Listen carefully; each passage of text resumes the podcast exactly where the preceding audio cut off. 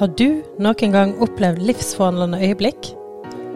Jeg heter Marianne, og jeg har intervjua flere personer som har erfart at livet fikk en helt ny retning etter at de fikk et møte med Gud.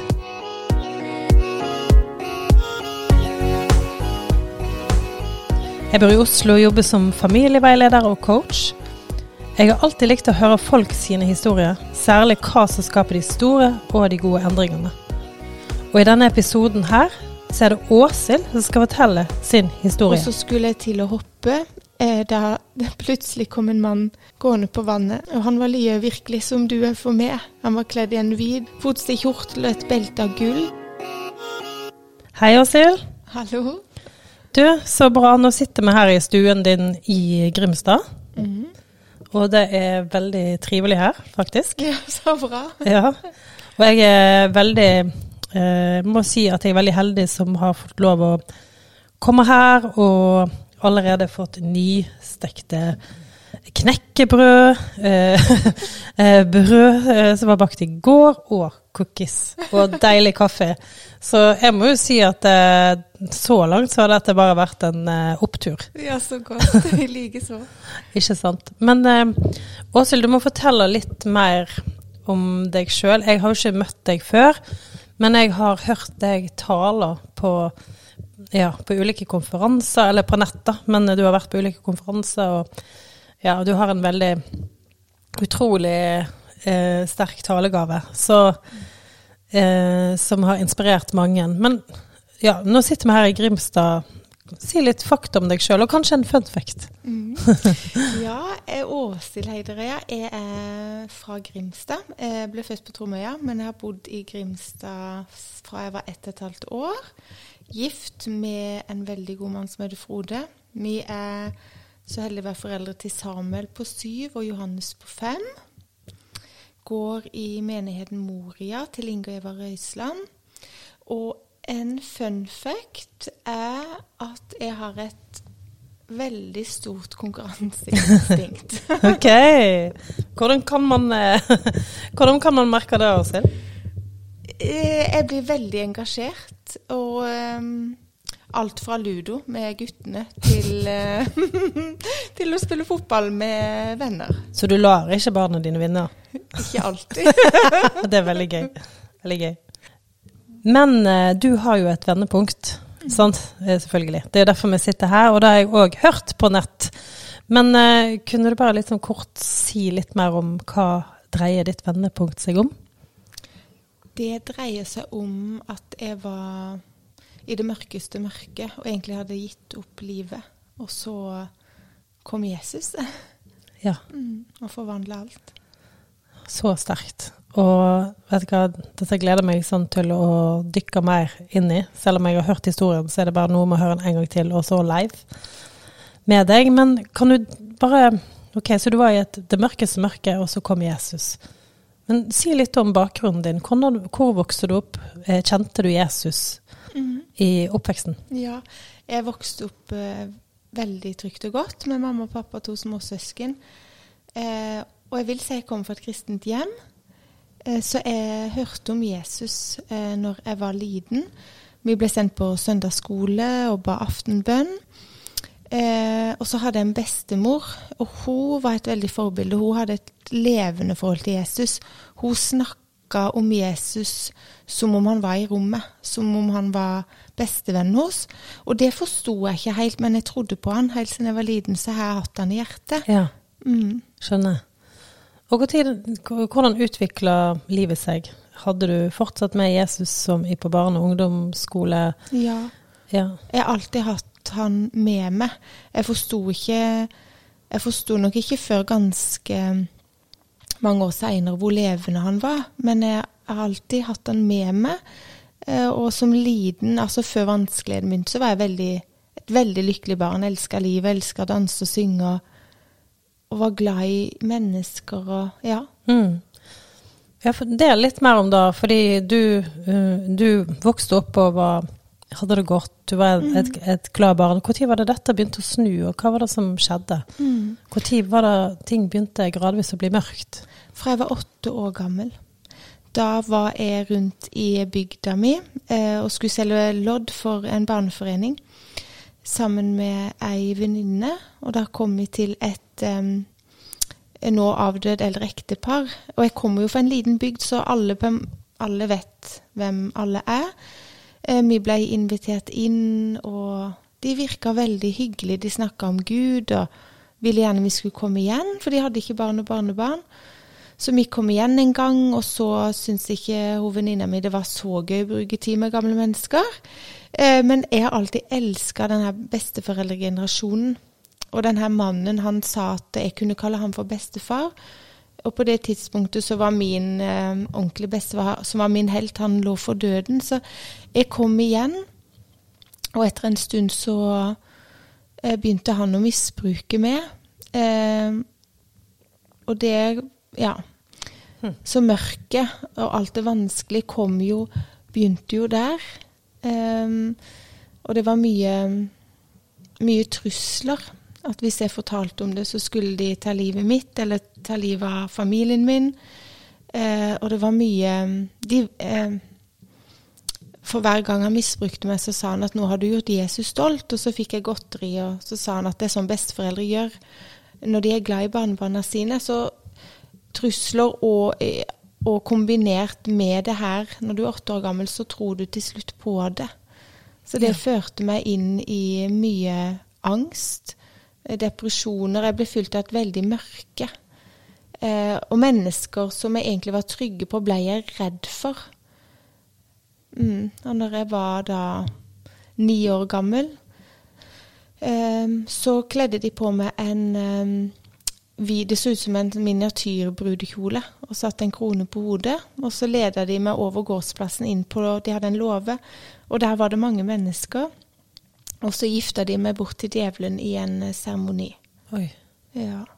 Så de, var, de utga seg for å være kristne, men de var det vi kaller satanister. Hm. Og det er jo noe man snakker veldig lite om i Norge. Det er eh, I USA og Afrika der kan man høre om det, men her er det veldig lite snakk om det. Men det, det finnes mennesker som tjener djevelen sånn som vi tjener Gud, og de har sine nettverk rundt omkring i, i hele Norge.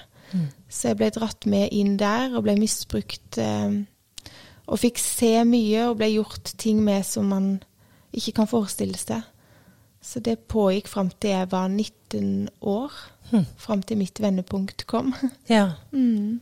Kunne bare spurt deg, det var jo helt forferdelig. Eh, men var det noen du delte dette med, eller var det noen som fikk det med seg at dette skjedde? Nei, jeg vågte ikke å si noe. Og så har man en evne til å fortrenge mye som liten. Mamma og pappa så endringer. Eh, de, sam, samtidig som misbruk begynte, så ble jeg ganske grovt mobba på skolen. Så de relaterte forandringer til det. Ja. Eh, ja. Men, men, hvordan var det å være deg i dette? Som åtteåring, som niåring, eller hvordan ja. Det var veldig tøft. Man, man levde på en måte i to, to verdener. Eh, og det handla på en måte om å overleve. Og nå var jo jeg heldig som hadde et godt og trygt hjem å komme hjem til. Eh, for det fins jo Jeg har møtt flere som er vokst opp i sataniske hjem, og de har jo ingen trygghet. Så jeg hadde jo det trygt hjemme. Eh, men alt Altså, det påvirka meg jo så i den grad at jeg begynte å besvime der det var mennesker. Jeg utvikla spiseforstyrrelser, mye selvskading. Og mine foreldre så, um, skjønte jo at Åshild trenger hjelp, og de prøvde på en måte å få meg innlagt. Men jeg ville ikke, jeg tørte ikke. For, og jeg hadde perioder når jeg var sånn 18-årsalderen at jeg, jeg tørte ikke bevege meg utenfor soverommet mitt. Og mine foreldre måtte fotfølge meg for å passe på at jeg ikke skada meg.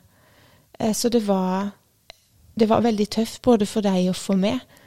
Livet handla egentlig mer om å overleve, og jeg husker fra jeg var åtte år gammel Eh, så la jeg meg og våkna med, med, samme ønske, og det var å dø. Og bare få komme hjem til Jesus. Ja. Og hvordan var denne relasjonen til de du hadde besøkt? Det begynte som en snill bestefar som mm. møtte et behov du faktisk hadde. da. Mm. Hvordan utvikla den relasjonen du hadde til de fra å være på en måte en sånn hyggelig sted å være? Mm. Det ble eh, det utvikla seg til et mareritt. Mm. Det var ja, mye styrt av frykt. Ja, Mm. ikke sant. Ja. Og da lå du hver sant, natt til slutt og bare ville dø som Mm. 19-åring. Mm. Og hvordan fortsatte dette, da? Og folk skjønte ingenting, sant, hva som hadde skjedd, og Nei. la det Kanskje tenkte at du hadde utfordringer på ulike områder uten Mm. å få tak i roten. ja. Mm. Nei, det, det førte til at jeg eh, bestemte meg for å ta livet mitt. For jeg så ingen annen utvei, og jeg lengta bare etter, etter å få fred. Etter å um, slippe å måtte kjempe, og slippe å måtte gå med all den smerten og skammen og alt det vonde inni meg. Mm. Eh, eh, så jeg hadde egentlig Eller jeg tok en bestemmelse. Det var um, om å drukne meg sjøl. Vi har et eh, vann nær forbi barndomshjemmet mitt. Og jeg var 19 år, og jeg klarte å snike meg ut. Og det var egentlig en bragd i seg sjøl, for på det tidspunktet så ble jeg fotfølgt. Jeg sov med mamma om natta for de var så redd for Mm. hva jeg kunne gjøre. Men på et eller annet vis så kom jeg meg ut. Og jeg husker jeg, jeg løp ned bakken, ned til vannet, og jeg, jeg, jeg, jeg gleda meg. Og det høres rart ut, men jeg, jeg gleda meg til å få fred, og jeg gleda meg til at mine foreldre skulle slippe å måtte hanskes med meg.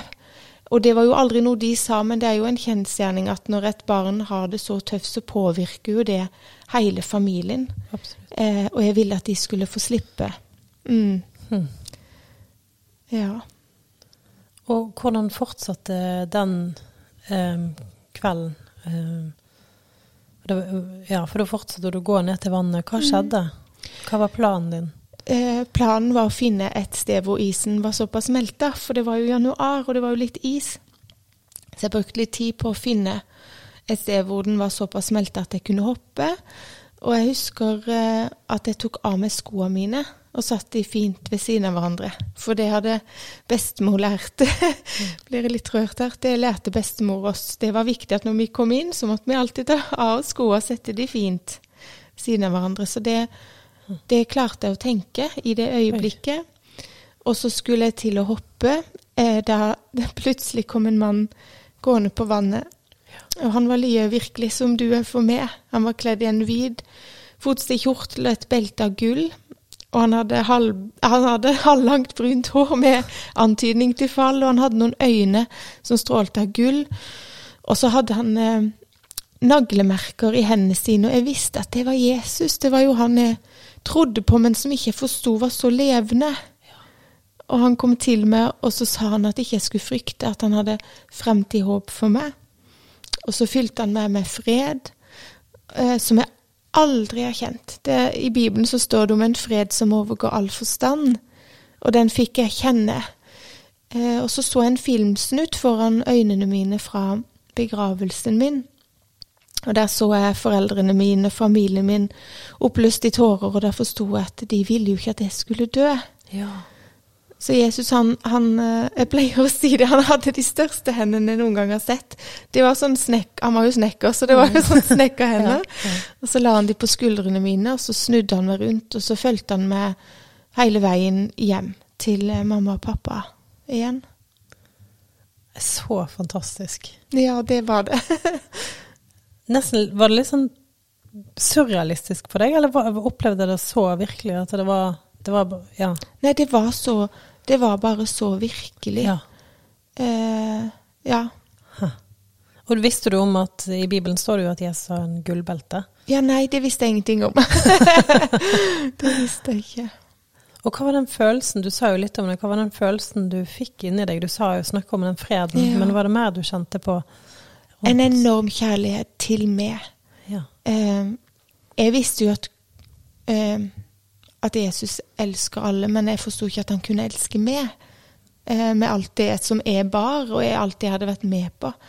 Så det var en blanding av en ufattelig kjærlighet som på en måte pakka seg rundt meg som en varm dyne, ja. og en fred. At det var framtid og håp. ja. Og i tillegg at han viste deg kjærligheten familien din hadde for deg. ja, det trengte jeg. Du som hadde tenkt bare tidligere at nå slipper de dette. mm. Så det var jo dette her var jo et skikkelig vendepunkt. Ja, det var det. Så sterkt. Men eh, altså, hva skjedde etter dette? Ja. Du ble fulgt av Jesus hjem. ja. Skulle, jeg skulle ønske jeg kunne si at altså, da ble alt bra. Ja, sant. Da, da, man skulle jo kanskje tro det, men Da blir alt bra. Ja, men så er det noe med at det, er ikke alltid ting skjer i vårt tempo. Men det betyr ikke at Gud ikke er med, at han ikke har kontroll. Eh, det jeg forsto når jeg kom hjem, var at jeg, jeg trenger hjelp. Ehm, og så hadde jeg, fått, hadde jeg fått den erfaringen at Jesus er med på en måte som jeg aldri hadde opplevd før. Og på den tida så hadde ikke jeg mennesker rundt meg som forsto at Jesus er nøkkelen. At han er den som kan løse lenker og bånd. Det står det i Bibelen, at han forbinder smertefulle sår. Eh, så min, den hjelpa jeg visste om, den hjelpa mamma di visste om, det var psykiatrien. Så da eh, sa jeg til mamma di at eh, eh, jeg forstår at jeg trenger hjelp, så nå kan dere legge meg inn. Så det ble egentlig starten på ti år i psykiatrien. En, ja. Men, men unnskyld, men kan jeg bare spørre deg om eh, Men sa du at du hadde møtt Jesus? Eh, nei, jeg sa ikke det. For mi, eh, min far eh, er ikke frelst. Han er veldig nærme nå. Eh, og mamma hun har alltid trodd på Jesus, men mitt, vårt hjem har aldri vært et sted hvor man har snakka om troa. For det har vært noe som har vært veldig personlig. Så jeg var nok litt redd for at de kom til å tro at nå har det bikka for henne. Ja. Mer enn det allerede Ja, hadde. så jeg bare Jeg sa bare holdt det litt for deg sjøl. Ja, jeg gjorde det. Jeg gjorde det. Men, ja, men du sa ja, nå vet jeg at jeg trenger Ja, hjelp. jeg skjønner at jeg, jeg trenger hjelp nå, sa jeg. Men så sa de noe om hvordan du virka etter du kom hjem etter den hendelsen? Altså, Nei, det, det har vi faktisk ikke snakka om. nei? Nei. De vet jo hva som Jeg har jo Ja. fortalt dem hva som skjedde, men Ja. jeg har faktisk ikke spurt dem om det. Nei? Men eh, de må nok ha sett en For dette, det, det var jo kampen sto jo veldig om å få meg lagt inn. Ja. Og jeg hadde jo stritta imot alt for det å skulle sove på et sted med fremmede. Altså, det fikk jeg, jeg tenkte at det kommer alle til å klare. Men da skjønte jeg jo at uh, det er vel det som må til. ja. Mm. Og hvordan eh, Ja, så sa du ja da til å bli lagt inn. Ja. Og fortell litt om de årene, eller hvordan det gikk videre.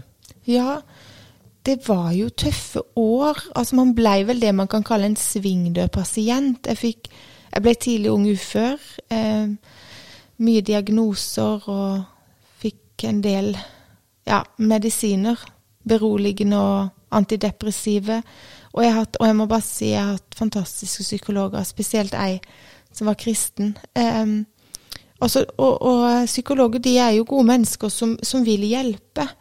Um, men det er ingen menneske eller ingen pille som kan gå så dypt som Gud kan. Um, så det var to stykker, to terapeuter som jeg hadde i løpet av de ti åra, som sa at Åshild, det er akkurat som det er nøkkel ikke vi finner, for du burde vært bedre. Og jeg får ta, altså jeg, fra når jeg da ble lagt inn da jeg var 19 år, så var det så fortrengt, det som hadde skjedd. Og eh, i det sataniske så bruker de mye hypnose og transe, så mye var lagt lokk over.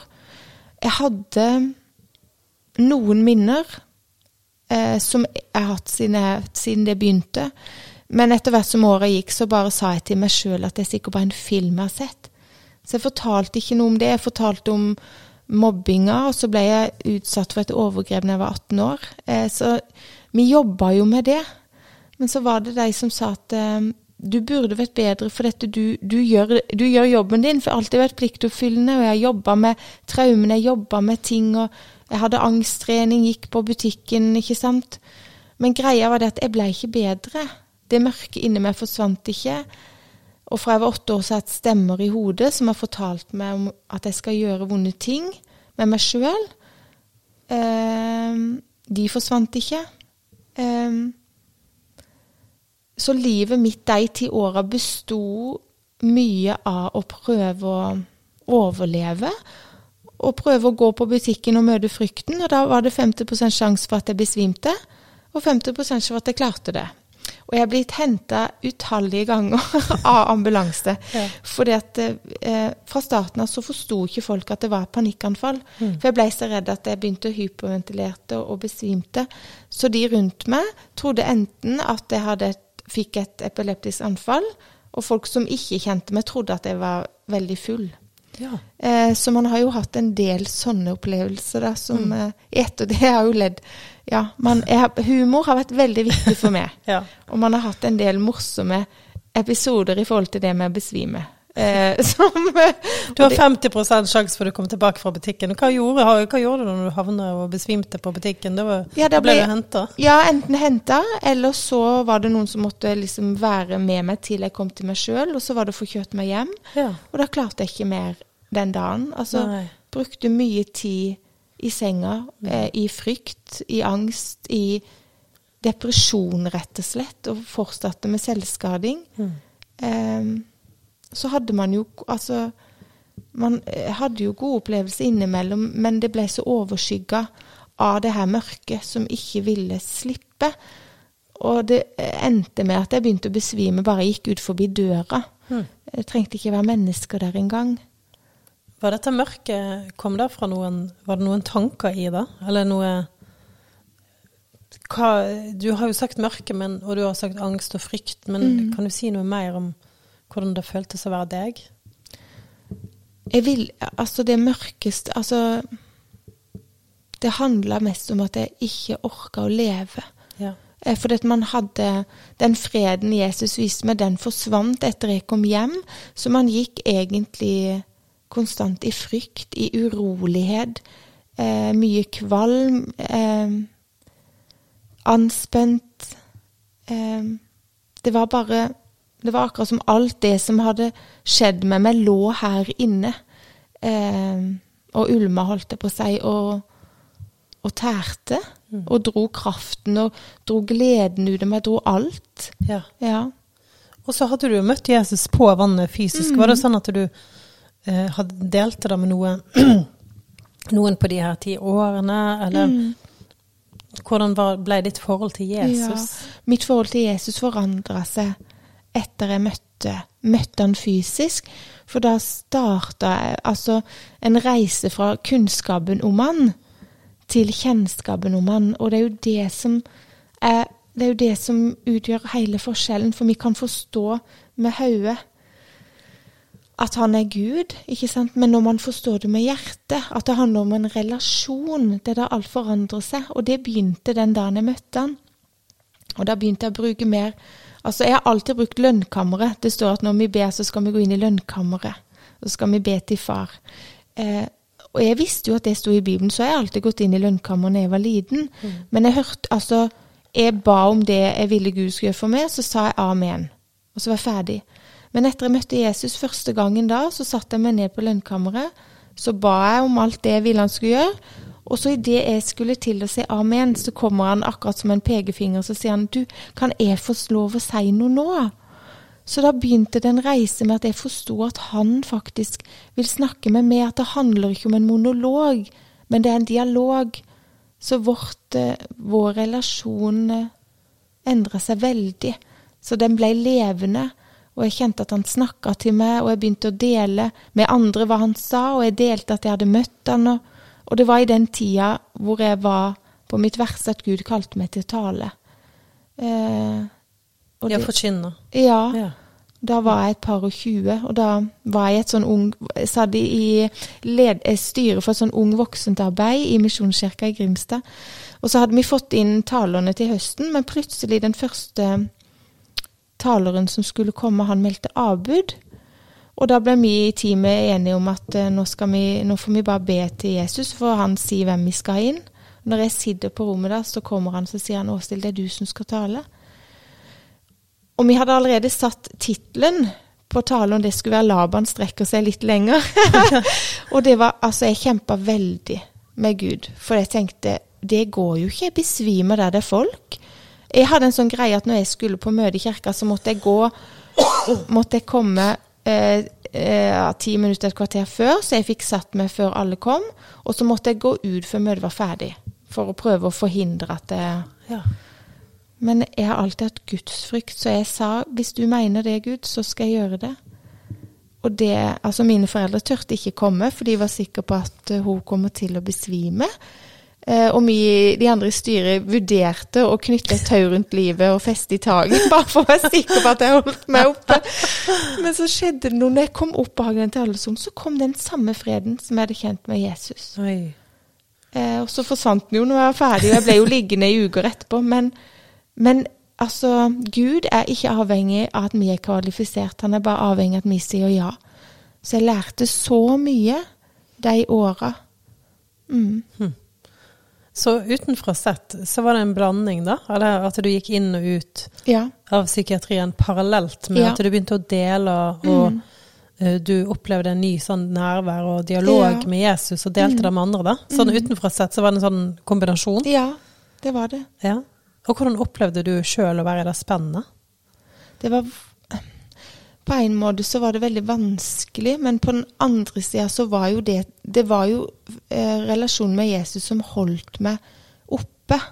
Hadde jeg ikke hatt det, så så hadde jeg ikke klart det. For det, det er så tøft når du går år ut og år inn og kjenner på så mye angst og frykt og Ja. Og hva var det han snakka med deg om? Det var si masse forskjellig. Mange ting, men mye handla jo om at han elska meg. Mm. Og at han fortsatt hadde framtid og håp. Mm. Eh, at han hadde en vei ut. Ja. Eh, ja. Og så begynte han å gi budskaper til andre mennesker. Og det var jo fantastisk å oppleve å kunne bli brukt når man trodde at eh, man var ubrukelig. ja. Eh, og det er jo det beste jeg vet, hvis man kan være til glede eller komme opp oppmuntringer til andre. ja. Ha. Og hvordan eh, Fordi nå har vi jo altså snakket om det vendepunktet du erfarte når Jesus dukket opp fysisk og gikk på vannet foran deg. Og, eh, ja, og, vil, og sa at du skulle leve og hadde framtid og håp. Men det andre vendepunktet mm. um, Hva skjedde? eh, For nå har du gått inn og ut en svingdørpasient og Mm. strevd samtidig parallelt. Fått lov å komme nær Jesus og ta imot kjærlighet fra ham. Mm. Men hvordan fortsatte dette? Hva var det som skjedde før dette andre vendepunktet ditt? Ja, det var ca. etter ti år så, så kjente jeg at det ble tyngre og tyngre å holde meg oppe. Eh, Så jeg sa det til Jesus at nå, nå må denne utveien komme. Ellers vil jeg hjem til du, sa jeg. Eh, og så er det sånn at selv før, før våre vanskeligheter kommer, så har Gud en vei ut. Det er bare ikke alltid den kommer når vi tenker den kommer. Eh, men den kommer i riktig tid. I Guds tid. Eh, så i 2014 så fikk jeg lov til å dra til Karmøy. Eh, Irene Vestvig er en fantastisk dame som er vokst opp i Grimstad, men som har, eh, fram til nå har bodd på Karmøy. Eh, nå er hun vendt tilbake til Grimstad. Mm. Eh, og hun har drevet et omsorgshjem for jenter i alle år. Hun har forstått det, det, det at Jesus kan lege. At det er han som har nøklene inn i, inn i alt, at han forbinder såra våre. Så i januar 2014 så fikk jeg lov å komme der. Og det, det var starten på min legedom, rett og slett. Og der var jeg i ni måneder, og der tok Gud fram alt det her vonde. Det står det i Daniels bok at Gud åpenbarer det dype og det skjulte. At han vet hva som er i mørket, og i ham bor lyset. Og det var det jeg fikk oppleve i løpet av de ni månedene, at han lyste opp det mørket. Det som var de nøklene som ingen psykologer fant, det som ingen piller klarte å kurere. Alle de her åra i det sataniske, da. Hvor han fikk løst meg og lega meg og helbreda meg. Mm. Kan du si litt mer om hva det var? Eller de Ja. verktøyene, de nøklene, eller hva var det som skjedde? Ja, det første som skjedde, var at Irene ba, ba for meg. Hun ba at frykten skulle gå. Og det var et mirakel, for etter hun hadde bedt det, så forsvant min angst. Ja. Og det er den rareste opplevelsen jeg noen gang har hatt. Og jeg, jeg husker jeg sa kan vi kjøre ned på kjøpesenteret?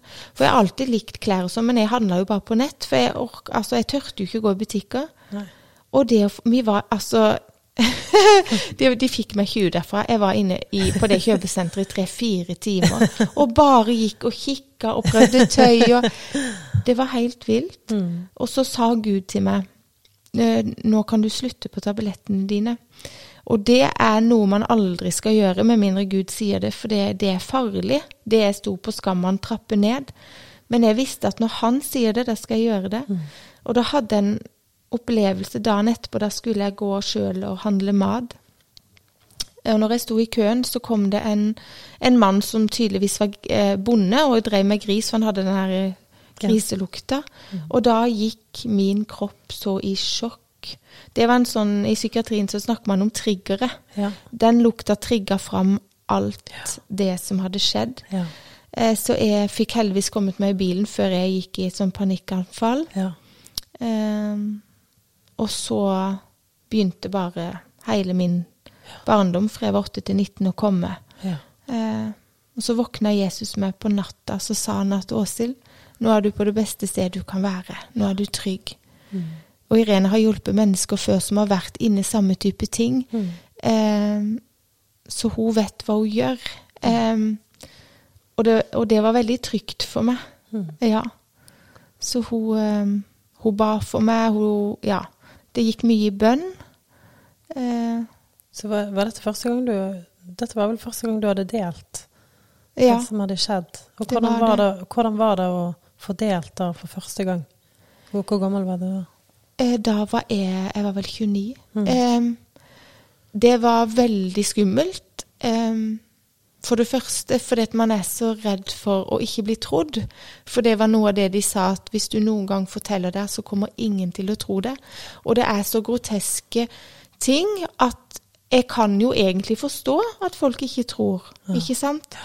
Så det var det første. Det var veldig skummelt. Det var belastende. Ikke sant? For det er noe med å Når man setter ord på det, så blir det mer virkelig for en sjøl. Men det, det er så nødvendig i legedomsprosessen. Og så var det jo òg befriende å endelig bare kunne få sagt at sånn Det og det skjedde, sånn var det. Så det var Ja, det var en blanding der. Ja. Mm. Og så fortsatte du å være der, og så var det dette du sa med den triggeren som kom, og, Ja. da, og da var det en spesiell egentlig nøkkel, da? Nøkkelen for å Mm. få det fram. For å få det fram. Så, en, ja. så det var en eh, Ja, jeg var der i ni måneder hvor, hvor, hvor man jobba Altså hvor Jesus fikk komme inn i smerten. For det er det man, vi tenker at ja, men kan han det? Ja, han kan det hvis vi, hvis vi tillater Jesus inn i alle de rommene vi har stengt, de rommene med smerte, med traumer, og inviterer han inn, så kan han lege det.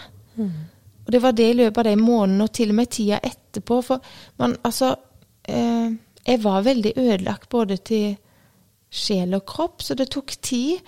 Men igjennom alt så lega han meg fullstendig. Han satte meg fri fra piller, fra diagnoser, fra stemmen i hodet.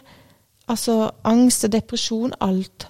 Alt forsvant, og til og med Altså, det er jo bare et under, men mine armer og min mage var full av, av arr etter uh, selvskadinga. Til og med det. Jeg har ikke et eneste arr Oi. igjen. Det er helt, Oi, oi, helt borte. Så han har gjort et sånn et fullkomment verk. Helt ned til altså Det er jo de vilt. minste ting. Ja, Det er helt vilt. men det er det han kom for å gjøre. Det var derfor han døde for oss. Ikke bare for at vi skal få tilbringe en evighet i himmelen, men for at vi skal få oppleve fred og leve i frihet her nede på jorda. Og det er for alle, det er ikke bare for meg, eller for noen spesielle. Det er Han kom for alle. Mm. Han kan løse alle lenker og bånd. Det er ingenting som er jeg, jeg var nok et litt umulig tilfelle, men ingenting er umulig for han. Og når Nei. han kan gjøre det med meg, så kan han gjøre det med alle. Det er jo helt, det er jo helt fantastisk. Og så sa du jo litt at det, hun hadde bedt for deg. Irene hadde bedt for deg, og så hadde f.eks. frykten gått. Kan du bare si mer om hvordan bare, Kan du nevne flere eksempel på stunder dere hadde, eller situasjoner der du ble fri? Var, det, var hun alltid der? Var hun ba for deg, eller?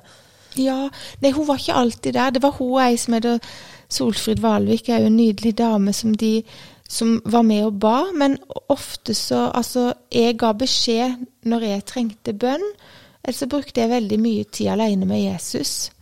Eh, det var min redning. Og når, når det var minner og ting som dukka opp, og jeg kjente at eh, jeg trenger forbønn, så gikk jeg og så ba de, og så er det jo sånn at det, og det er jo noe man snakker lite om. Eh, det her med demoner eller ånder eller krefter. Mm. Altså Som kristen så kan du ikke bli besatt, for vi har Den hellige ånd. Men man kan være påvirka av krefter i kroppen vår eller i sjelen vår, og vi kan trenge utfrielse. Og jeg trengte veldig mye utfrielse for Ja. krefter. Mm. Og det, for det er noe av det de gjør i det satanske. De ber inn krefter for å holde oss bundet. Og se, men selv om ikke man har vært i så dramatiske ting, så kan vi være påvirka. Vi kan trenge utfrielse. Eh, så det var sånn type bønn at hun befalte krefter å gå i Jesu Mm. navn. Det var ikke noe sånn ja, simsalabim. Det, altså, det var Ja. befale ting å gå i Jesu navn, for alt må bøye seg for han. Og så var det å be inn legedom inn i Ja, inn i det vonde. Mm. Ja, for kan, kanskje du kan si litt om hva autoritet man har når man har tatt imot Jesus, og Jesus bor i oss, til å be sånne bønner? Han har gitt oss all makt. Det står at når Jesus døde på korset, så triumferte han over alle makter og myndigheter. Og når vi tar imot Jesus, så hersker vi med han, og vi har fått autoritet til å trampe på slanger og skorpioner, står det. Og i misjonsbefalingen så står det jo at man skal at kaste ut demoner. Det er en del av vårt oppdrag. Og det er ikke i oss sjøl, men i Jesus, navnet som er over alle andre navn. For alt må bøye seg. Mm. absolutt alt. Og det er en autoritet som jeg tror vi kristne må våkne opp til og, og innta. For det djevelen får lov å herse for mye. Eh, Hva er det som hindrer folk i å bruke den autoriteten? noe tror jeg at ikke vi fullt ut forstår det. Vi må først forstå det, og så må vi våge. Mm. Det er mange som kan tenke at nei, vi skal jo ikke snakke om djevelen og demoner og sånn, det er skummelt. ikke sant? Det er mye sånn Mange er vokst opp De generasjonene før oss er jo vokst opp med sånn Man skal ikke snakke om det. Så det er blitt så dyssa ned i Norge. Men, men altså, leser man Nytestamentet, hva var det disiplene gjorde? Hva var det Jesus modellerte? Det var å helbrede syke, rense spedalske, kaste ut demoner. Ja, og vi er kalt til det samme. Men vi må forstå at det fins en åndelig verden. Det fins en fysisk verden, så fins en åndelig verden som ikke vi kan se. Eh, og vi er kalt til å regjere med Jesus. Det Mm. er så sant. Men hvordan fortsatte livet etter dette, mm. de her ni månedene, Ja. denne fødselen? Ja, i løpet av de ni månedene så fikk jeg mannen jeg er gift med. Og det er bare et under, for jeg har alltid ønska meg familie, barn, helt fra jeg var liten. Men, men, men, men jeg har jo liksom Altså de ti åra i psykiatrien, ikke sant. Det fra mellom 20 og 30. Så så jeg vennene mine, de gifta seg, de fikk barn. Og det var et veldig savn hos meg. Men det var, jeg skjønte jo at det, det, eh, det var et veldig lite sjakktrekk å besvime foran guttene.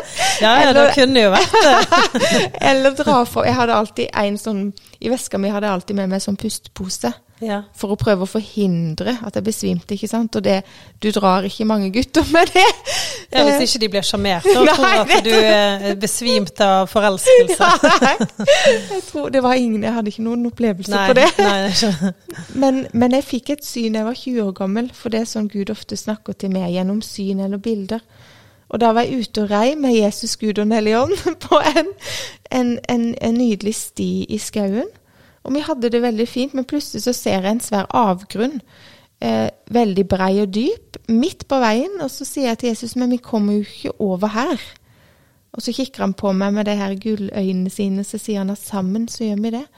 Og jeg forstår jo nå i ettertid at den avgrunnen var jo det mørke i meg. Og så ser jeg vi hopper over det, og etter en stund så står det plutselig en mann i høyre side i veikanten. Og så sier Gud at det er mannen du skal gifte deg med. Men jeg, altså, jeg, jeg fikk jo aldri se ansiktet, og jeg kan tro jeg maste på Gud i løpet av de ti åra. Men når jeg var på Karmøy etter et par måneder, så kom det samme synet igjen. Helt likt. Men når jeg så mannen, så så jeg ansiktet. Jeg så at det var Frode. Ja. Og han ble jeg kjent med da jeg var 18. Han var en av mine beste venner. Eh, vi bodde sammen. Han, det var han og to kamerater kjøpte et hus. Eh, og, de, og jeg turte jo aldri flytte hjemmefra, så de sa Åse, vil ikke du prøve å øve på å bo hos oss, ikke sant? Så jeg bodde med dem i tre år, og han var jo som en bror for meg. Eh, det siste året så kom Frode til meg og sa han, Åshild, Jesus har sagt at vi skal gifte oss. Men jeg, han hadde jo ikke sagt det til meg da, så jeg fikk jo helt panikk. Ja. Men sannheten var det at Frode hadde kjent på det. Gud hadde sagt det i flere år før. Men så hadde Gud sagt at men du må gi Åse litt tid. Og Frode han har aldri vært tålmodig. Så han hadde jo egentlig venta noen år. Han, han hadde jo egentlig vært tålmodig, han skulle bare vente litt til. Men når jeg kom på Karmøy Altså, i takt med alt det her vonde som kom opp, så var det akkurat som det plutselig ble plass til å kjenne på sånne følelser. Så begynte det å vokse fram noen følelser for Frode. Og så fikk jeg jo det her synet etter noen måneder, og jeg så jo at det var han. Så, sa ikke jeg noe til Frode. For det, altså det letteste for meg hadde vært å sagt til Irene nå, nå bare drar jeg, nå skal jeg gifte meg og trenger ikke tenke mer på det her. Men jeg, det hadde ikke blitt et godt ekteskap hvis jeg ikke hadde blitt lekt. Så jeg venta, og etter et par måneder så sa jeg til Gud, det var en lørdagskveld, så sa jeg hvis Frode virkelig er mannen jeg skal gifte meg med, så vil jeg at du skal sende ham på møte i morgen tidlig klokka 11. Og det her var jo på Karmøy, og det er jo seks timer kjøretid unna. Og så husker jeg satt på Troens ord. Eh, eh, klokka var fem på elleve cirka, og så går det jo mange Døra går jo opp og igjen, ikke sant.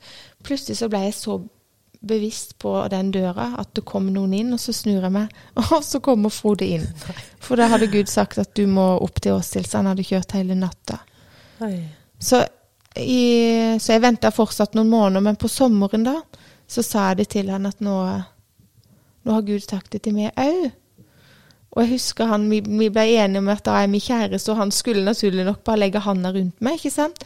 Og da var jeg så, fortsatt så redd at da begynte jeg å spy. Ja. Og, det, og da husker jeg min bestevenninne Maria, hun ringte da til Frode.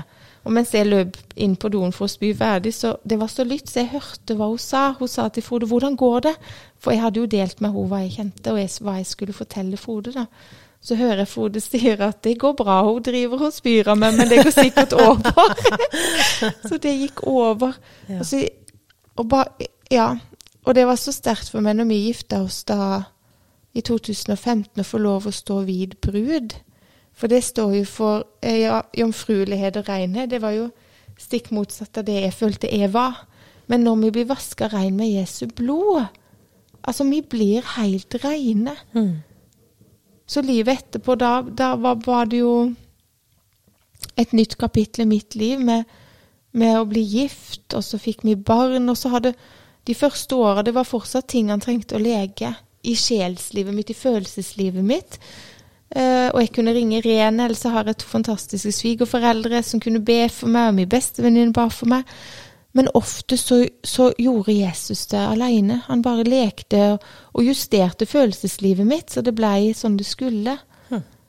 Så jeg føler at jeg får lov å Det står det at Gud er overflodens Gud. At han vender alt om til det gode for de som elsker han, og det føler jeg virkelig jeg får leve i. Ja.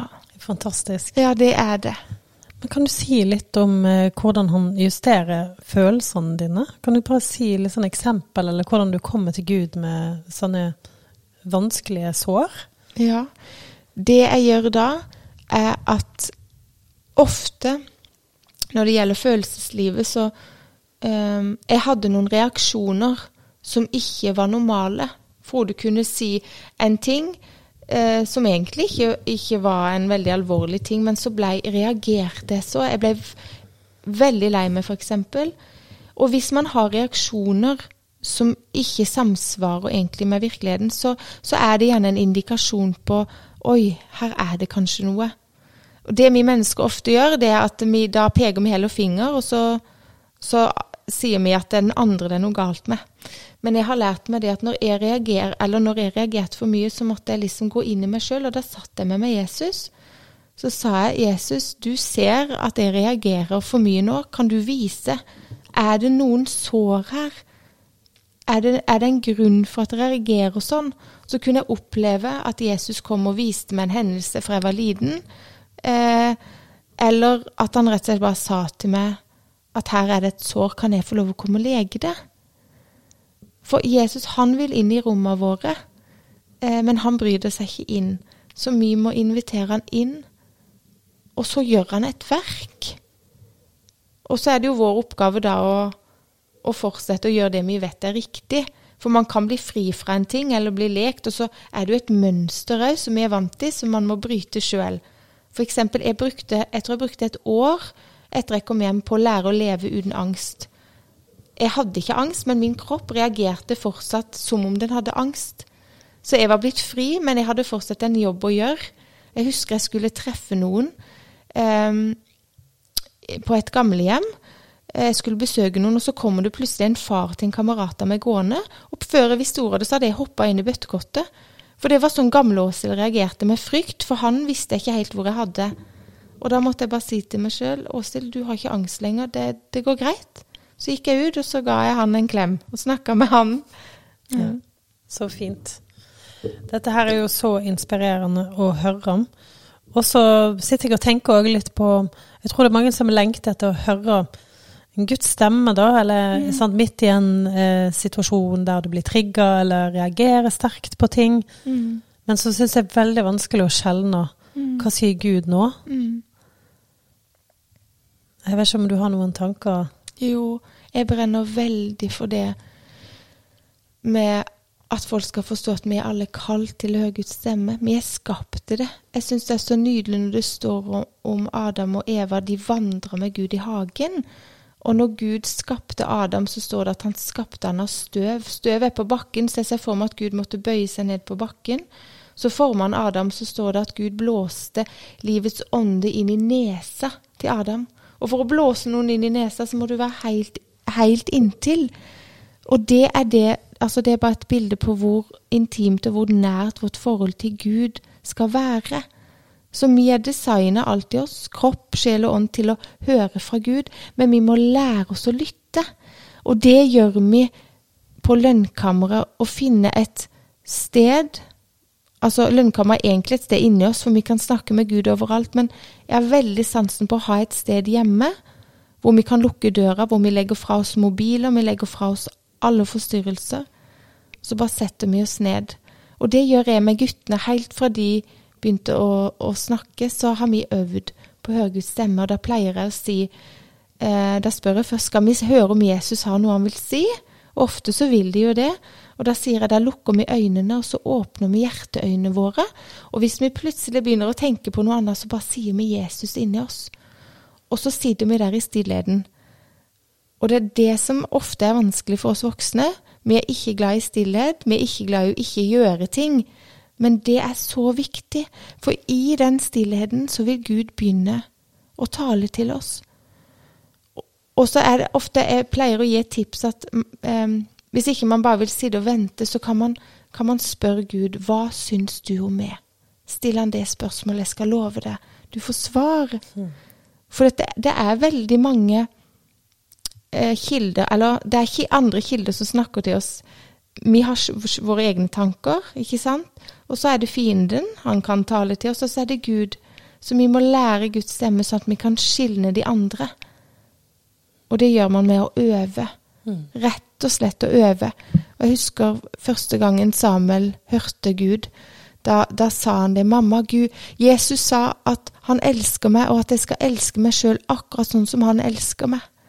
Og hver kveld når vi la Samuel, så pleide vi jo, sier vi jo alltid 'Jeg elsker deg, Samuel'. Og så sa han lille gutten 'Jeg elsker deg, mamma, og elsker meg selv akkurat slik jeg er'. så vet du hva, og, og, det er ikke uten grunn at Gud sier at vi skal bli som små barn. For små barn, de har ingen Altså, når jeg, når jeg sier til guttene mine at, at Jesus vil snakke til oss, så tror jo de det. Selvfølgelig tror de det. Og vi må, vi må begynne å tro det sjøl og så må vi søke han i stillhet. Ja. Og stillhet er jo noe av det som er vanskeligst å få tak i i dag. Mm. Det er det. Så det var en veldig viktig oppfordring. Ja, det er det. Um, Sjøl så har jeg vært nødt til å Ja, selv om jeg ikke har hatt så lyst, tvunget meg sjøl til å sette av dager i stillhet. Og for min del så blir det i hvert fall den gleden av å være i den stillheten kommer ikke med en gang, Nei. for min del. Men den blir så ufattelig god ja, når man sånn. står i det. da. Ja, det er det. Men der trenger vi kanskje òg hverandre, og be ja. for hverandre og hjelpe hverandre til å både søker Gud og tror Han for den Han sier Han er. Ja, det er akkurat det. Og jeg har, jeg er jo min bestevenninne, vi vi har av og til sånne vi kaller det Jesuskvelder, hvor vi bare er sammen. Setter vi på lovsang, så legger vi oss på hver vår sofa, og så bare er vi med Jesus. Mm. For vi er så vant til mennesker at ting, det skal skje noe hele tida. Vi skal produsere noe, vi skal være eh, Hva heter det for noe? Sånn eh, Produktive. produktive. Eh, men vi trenger å falle Det står 'fall til ro' og kjenne at Herren er Gud. Mm. Så det er fak og det var noe Gud lærte meg. Eh, for jeg har vært av den typen som eh, skal gjøre meg fortjent til Guds kjærlighet. Før jeg forsto at han elska meg, så jeg har alltid brukt lønnkammer, og jeg tok med meg bønnelister så lange som et vondt år. ikke sant? Og jo tidligere jeg kunne stå opp og be, jo mer fornøyd var jeg tror det Gud var. Eh, og en gang jeg kom inn i, i lønnkammer Og det er ikke noe galt med bønnelister, ikke noe galt med å lese Bibelen, men vi, vi må òg lære å bare være. For Jesus han kom til meg og så sa han, kan du bare legge vekk Bibelen, kan du bare legge vekk bønnelistene dine nå, og bare være med meg? Og første gangen han sa det, så lurte jeg faktisk på om det var djevelen. Fordi at jeg tenkte hæ? Altså, man kan jo ikke bare være. Skjønner du? Ja. Det er det religiøse som taler. Og så sa han det igjen. Jo, bare vær med meg. Så sa han nå legger du deg på den sofaen, så legger jeg meg på den sofaen. Så tenkte jeg jeg kan jo sette på noe lovsang. Da gjør man jo noe. Og idet jeg skal til å trykke på, så sier han bare vent med den òg. Bare vær med meg i stillhet. Og det var uvant fra starten av, ikke sant?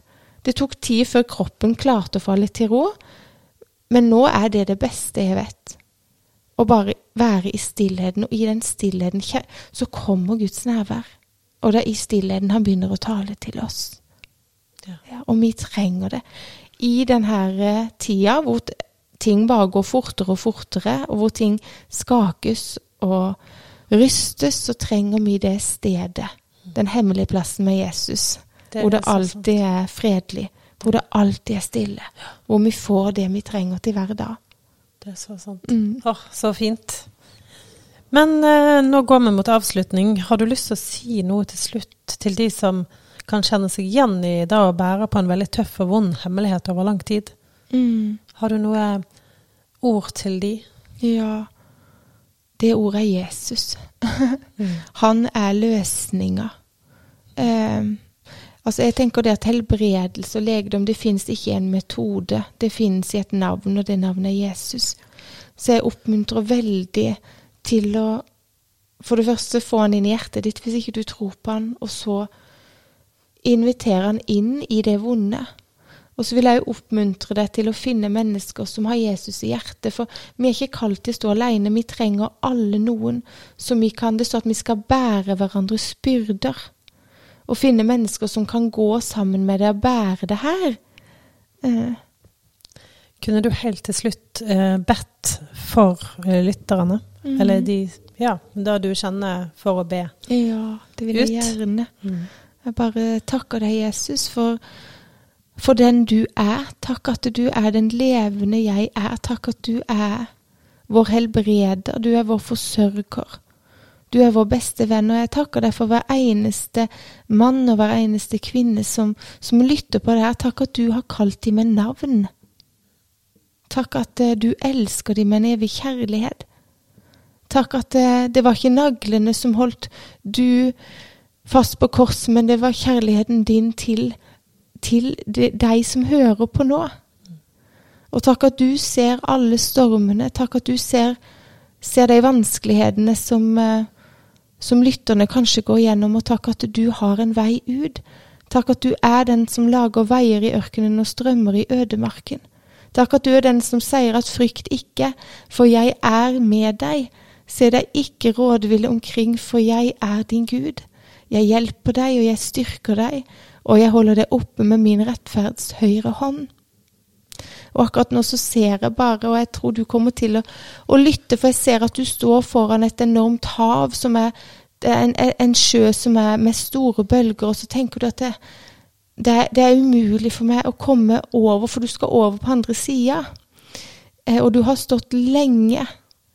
Og du har vært i stormer i mange år, men så ser jeg hvordan Jesus deler havet på samme måte som han delte Rødehavet for israelittene. Så vil han dele ditt Rødehav, og du skal få lov å gå tørrskodd igjennom. Så jeg bare velsigner hver eneste lytter. Jeg velsigner de med din shalom fred. til kroppen og til sjelen. Og jeg velsigner dem med, med alt det gode du har for dem. Amen. Amen. Tusen takk. Vær så god i likeså. Og eh, nå skal vi avslutte her, men jeg pleier noen ganger å ha en oppfølgingssamtale på Facebook i en gruppe. Så jeg vet ikke om eh, du Karl, har muligheten til det, men etter podkasten blir gitt ut, så pleier vi å ha en oppfølgingssamtale hvis folk har spørsmål. Ja, jeg har ikke Facebook, men mannen har, så jeg kan sikkert låne den. Ja, jeg har en gruppe inn på Facebook, så da må jo gjerne lytterne bli med i Facebook-gruppen Vendepunkt. Mhm. Så kan vi ta litt Og send gjerne spørsmål inn til Nå har jo jeg en sånn Instagram-konto som heter vendepunkt understrek podkast, og ja, Facebook-side og Facebook-gruppe som heter Vendepunkt. Så bare finn meg på Facebook og send spørsmål til meg, gjerne på personlig melding. Ja. Så bra. Hva skal du videre i dag? Da skal jeg snart hente guttene mine, Ja. og så skal vi ha en, en bibelgruppe her i kveld Ja. for eh, litt unge ektepar, og det gleder vi oss veldig til. Det, blir veldig, det tror jeg blir veldig bra. Ja. Da må du ha lykke til med det. Og så skal jeg etter hvert nå snart videre ned til Mandal. Så lyttere, dere må òg kose dere der dere er. Og så høres vi ved neste episode. Ha det! Ha det godt. Nå hørte du Åshild dele sin historie. Hun erfarte å gå fra et liv i det mørkeste mørket til å finne livet i Jesus.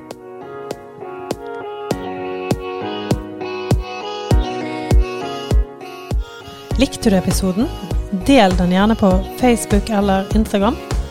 Hvis du har spørsmål til episoden, bli medlem i Facebook-gruppa Vendepunkt. Der pleier det å være livesending med oppfølgingsintervju. Send spørsmål til meg på Instagram-konto vendepunkt-podkast. Vil du sjekke mer ut om Gud? Da anbefaler jeg nettkurset Velkommen hjem med Egil Svartdal. Det finner du på omgud.nett.